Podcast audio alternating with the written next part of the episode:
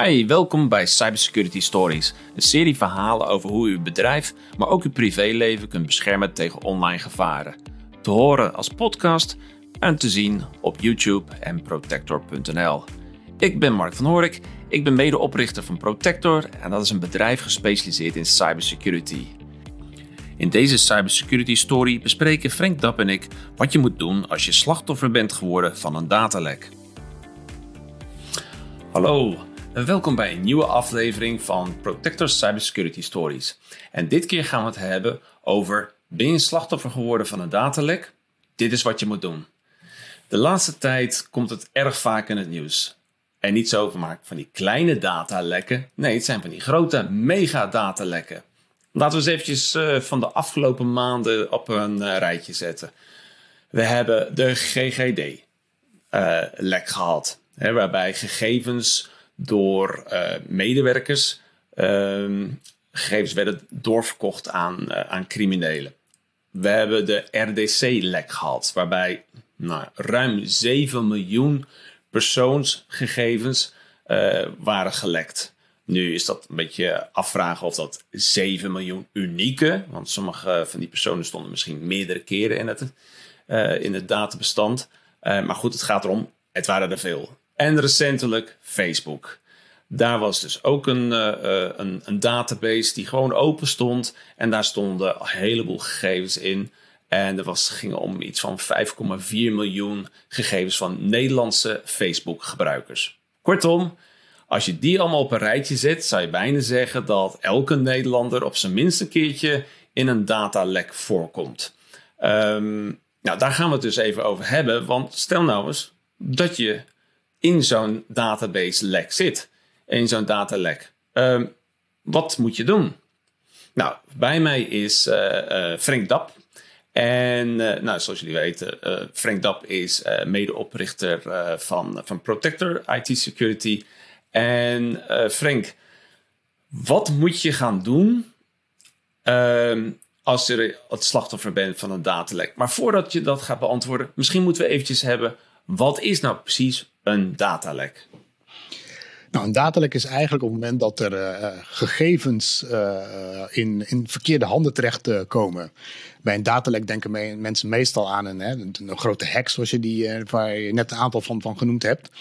Maar in principe is een datalek ook bijvoorbeeld het, het, versturen van een mailtje naar een verkeerde persoon. Als jij een mail stuurt met, met ja, misschien gegevens, persoonlijke gegevens of bedrijfsgegevens. En die komt bij een ver, verkeerde persoon terecht feitelijk is dat ook een, uh, een datalek. Want de gegevens zijn eigenlijk beland bij een uh, persoon waar die niet voor, uh, voor bestemd zijn of is. Ja, en ik wil dat eigenlijk ook wel een beetje aanvullen, omdat ik dat ook wel vaak genoeg heb meegemaakt. Gelukkig minder, maar. En dat is dat mensen um, mailinglijsten of een, een Excel-sheet met allemaal persoonsgegevens, dat ze dat via de mail versturen. Nou, dat is niet altijd handig. Waarom? Zeker als die mail ook nog niet uh, met een wachtwoord is beveiligd of iets dergelijks. Want um, die gegevens zitten dan in een mailbox. En zeker als het ook nog naar meerdere personen is gestuurd, zitten dus die persoonsgegevens als het ware klonen allemaal weer in verschillende soorten mailboxen. Uh, het gaat dus echt alle kanten op. Dus uh, dat is in ieder geval een tip. Uh, stuur nooit persoonsgegevens in een Excel-sheet via de mail naar allerlei verschillende personen. Uh, als je het zo nodig moet uh, gaan versturen via de mail of wat dan ook, alsjeblieft zet er een wachtwoord op. En zet dat wachtwoord niet in het mailtje die, waar dat bestand in zit, maar stuur dat via sms of iets dergelijks. Nou goed, oké, dat is even een kleine zijstap. Dus een datalek kan heel groot zijn kan klein zijn. Maar niet elke datalek is ook echt, nou ja, voor jou persoonlijk uh, een gevaar. Wanneer wordt het wel een, beetje een gevaar, uh, Frank? Ja, nou, op het moment dat er uh, ja, persoonsgegevens zijn, zijn, zijn gelekt, denk aan adresgegevens, telefoonnummer, bankgegevens. Um, gegevens die criminelen eigenlijk kunnen misbruiken om jou op te lichten, om jou te misleiden. Ehm, dan is er natuurlijk sprake van, een, van een, een, gevaar. En dat varieert natuurlijk op het moment dat alleen maar een e-mailadres gelekt is. zal je ja, misschien gespamd worden. Maar bedenk dat als, zoals het geval van de RDC, dat ook bijvoorbeeld adresgegevens en kentekens gelekt zijn.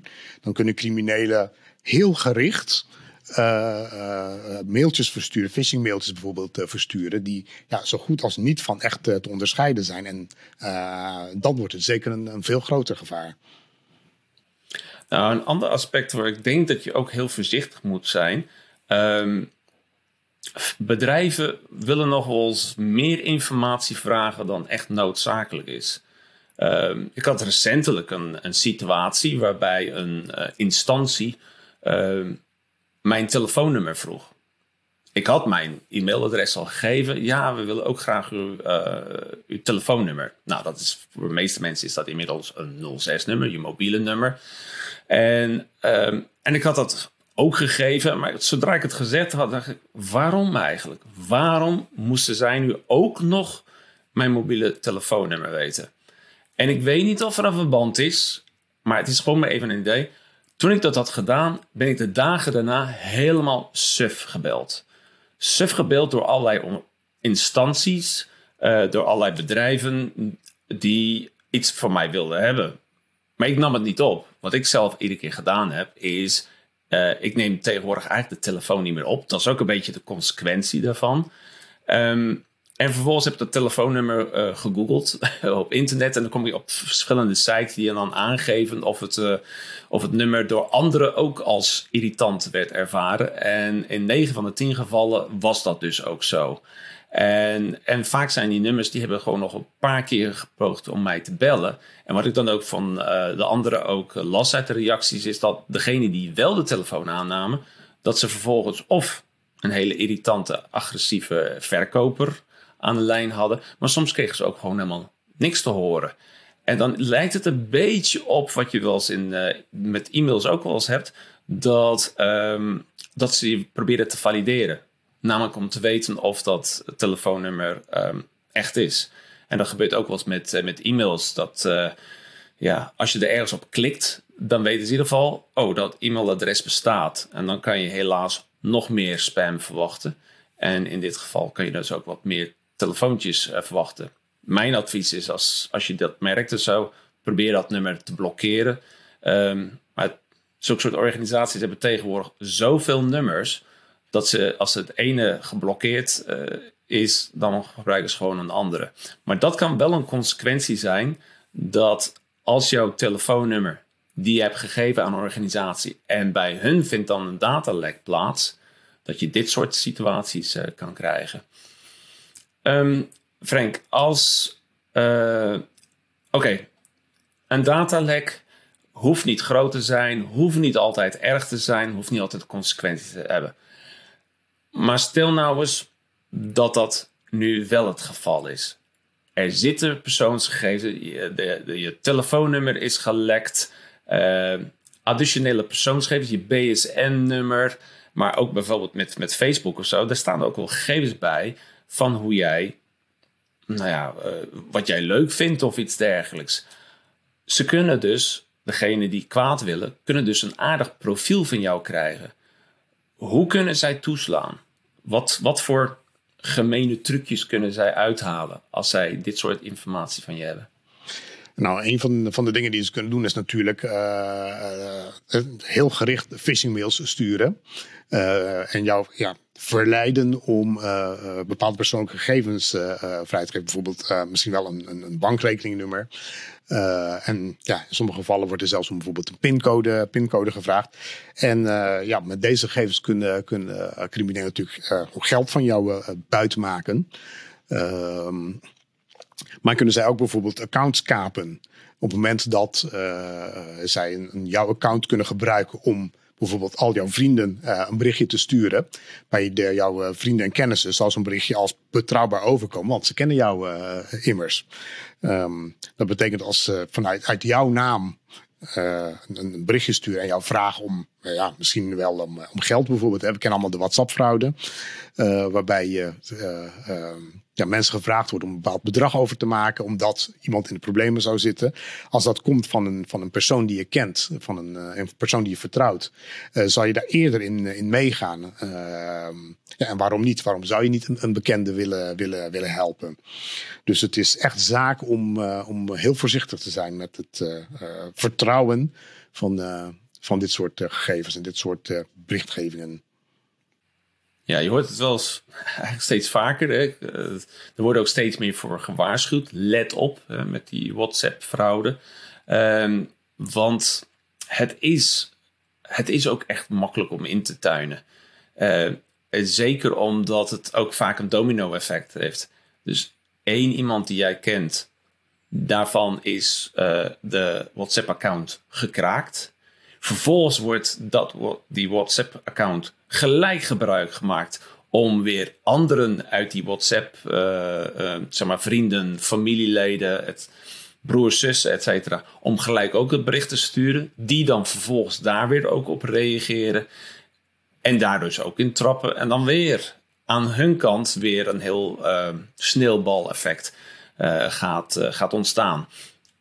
Wat, wat kan je nou het beste doen um, om dat tegen te gaan? Nou, om, eh, om, eh, als je vermoedt dat je, dat je slachtoffer bent eh, geworden van een, van een of je vermoedt dat er jouw gegevens op straat beland zijn, zijn een aantal dingen die je moet, moet doen. Ten eerste is het van het groot belang om je wachtwoorden te wijzigen. Zeker als je wachtwoord voor meerdere accounts gebruikt is het echt essentieel om je wachtwoord zo snel mogelijk te veranderen. Want uh, de criminelen zullen met een, een, een, wachtwoord dat ze buiten hebben gemaakt, uh, direct op verschillende sites uh, uitproberen.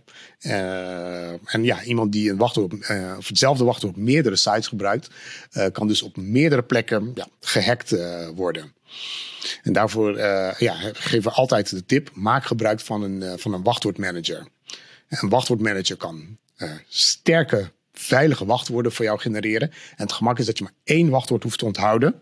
Terwijl je op alle sites, uh, al die accounts, toch verschillende wachtwoorden kunt, uh, kunt gebruiken. Waardoor uh, ja, de consequentie van een eventueel datalek voor jou beperkt blijft tot hopelijk één, één site.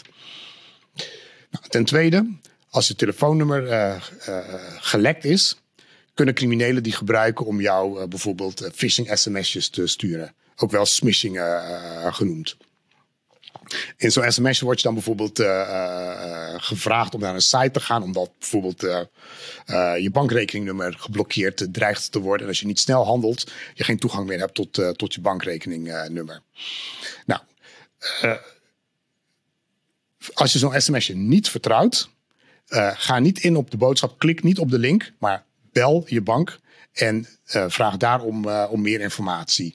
Of het bedrijf dat, uh, dat de sms verstuurd heeft. hoeft natuurlijk niet per se een, een bank te zijn.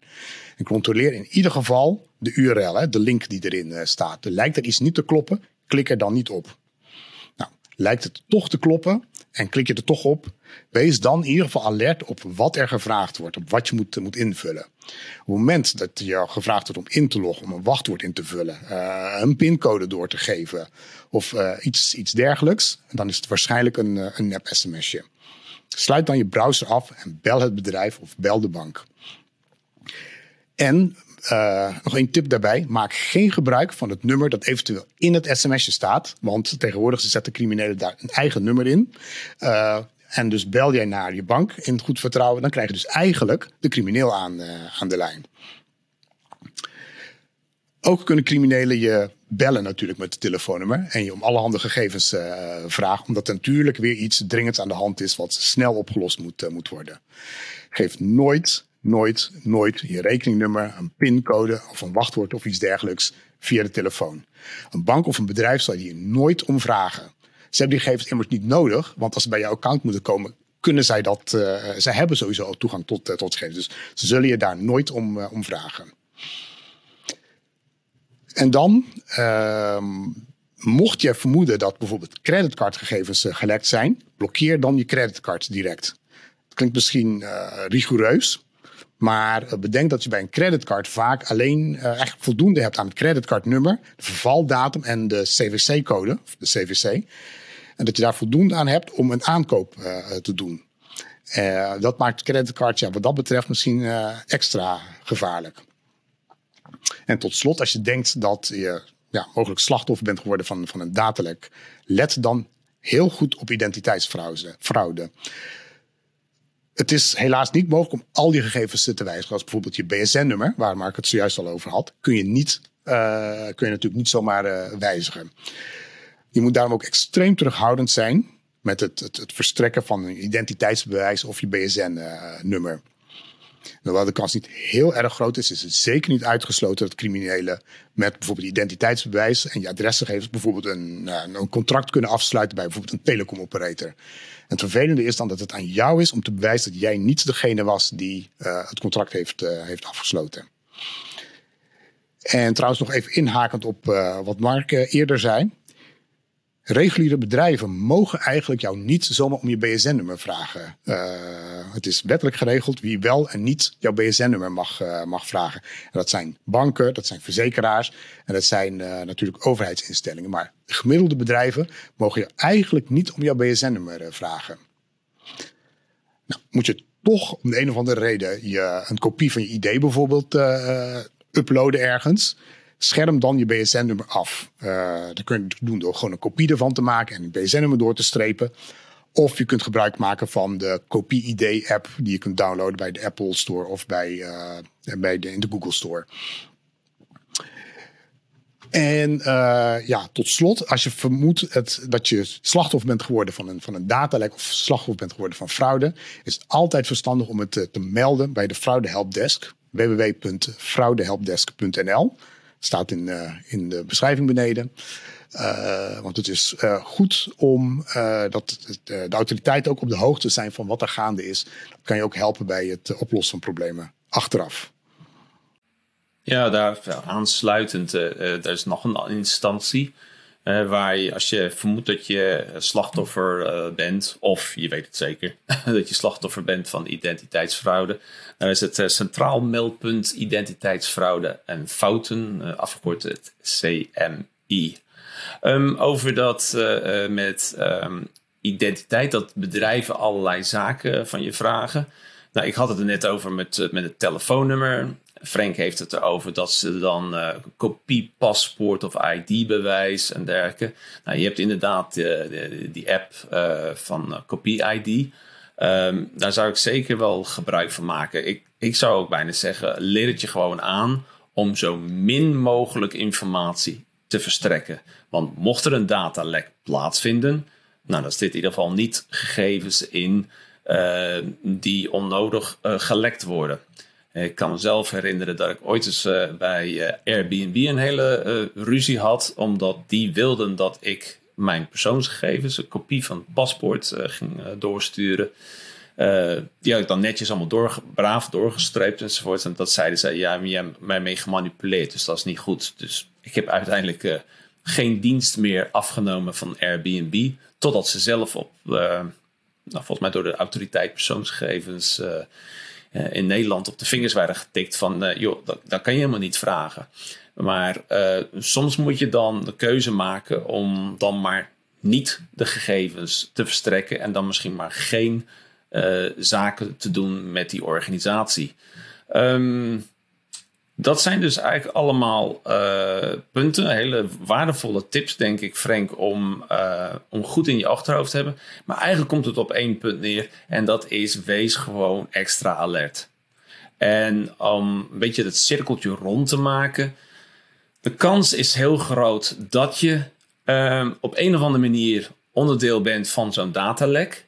Er is ook trouwens een website, Have I Been Pwned? we zullen dat in de in de show notes uh, plaatsen. Maar als je daar uh, je, ehm, je, je, e-mailadres of je telefoonnummer inzet, dan krijg je te zien of jouw nummer of jouw e-mailadres voorkomt in een, in een datalek. En sommige van die datalekken zijn nou, misschien wel vier, vijf jaar oud of iets dergelijks. Als je regelmatig je wachtwoord verandert, ja, dan hoef je dan zat je wel in de datalek, maar dan hoef je daar niet zo uh, bang voor te zijn. Maar het is wel handig om eventjes te weten van uh, waar jij waar jouw gegevens eigenlijk allemaal in, in zitten. Maar door gewoon heel alert te zijn, nu kan je ervan uitgaan dat er misschien in die Facebook-lek of in de GGD-lek of in de RDC-lek, dat je gegevens daar tussen zitten. Wees gewoon extra alert op dit ogenblik. Als er telefoontjes komen waarvan je niet weet waar die vandaan komt, negeer ze. Als iemand echt je wil bereiken, dan gaan ze echt wel via voicemail of op een andere manier je proberen te bereiken. Um, klik niet op allerlei zaken. Als er iets binnenkomt uh, van een berichtje, oké, ga dan uh, iets anders, uh, probeer het op een andere manier. Hè. Als het van je telecom provider komt, daar hebben ze appjes voor. daar, je kan naar dat klantenpaneel gaan. Je kan op allerlei andere wijzen checken dan dat je op dat linkje dat je via sms of voor je mail of via WhatsApp binnenkrijgt. Um, nou, ik denk dat we hier een uh, aardig wat informatie hebben gegeven, wat tips hebben gegeven om extra alert te zijn uh, deze dagen door al die, uh, die datalekken. Geef gewoon minimaal informatie naar allerlei organisaties. En zoals Frank zegt, echt niet elke organisatie heeft je BSN-nummer nodig. En vraag ook echt af of je iedere keer je 06-nummer moet geven bij een organisatie. Zeker als ze al het e-mailadres hebben opgevraagd. Nou, volgens mij, Frank, heb jij nog iets toe te voegen aan, uh, over het onderwerp van: hey, ik ben slachtoffer geworden van een uh, datalek. Help, wat moet ik doen? Um, nee, niet, uh, niet direct. Ik denk dat inderdaad wat je hebt aangegeven, het, het gewoon uiterst belang is om altijd alert te zijn. op het moment dat je een mailtje krijgt, op het moment dat je een telefoontje krijgt, vertrouw je het niet, reageer niet. Ehm, zoekt een bedrijf contact met jou en uh, begrijp je niet helemaal waarom. Zoek het nummer van het bedrijf op op hun, uh, op hun website. Zorg dat je op de goede website zit en bel zelf het bedrijf.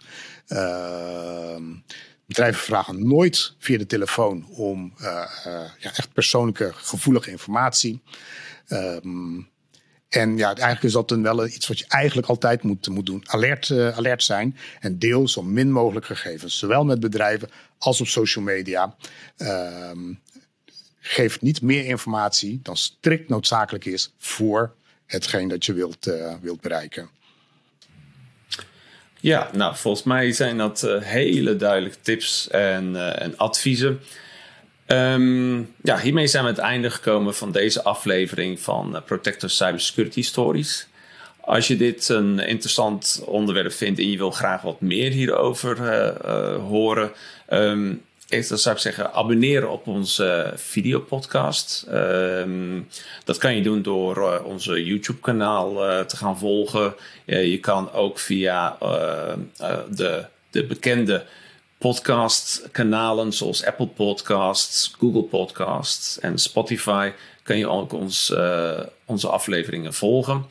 Um, mocht je wat meer willen weten, uh, en dat kan vanuit uh, de cybersecurity oogpunt van, nou, zoals je thuis mee zit, maar zeker met veel thuiswerkers en zo, hebben dit soort zaken ook effect op organisaties.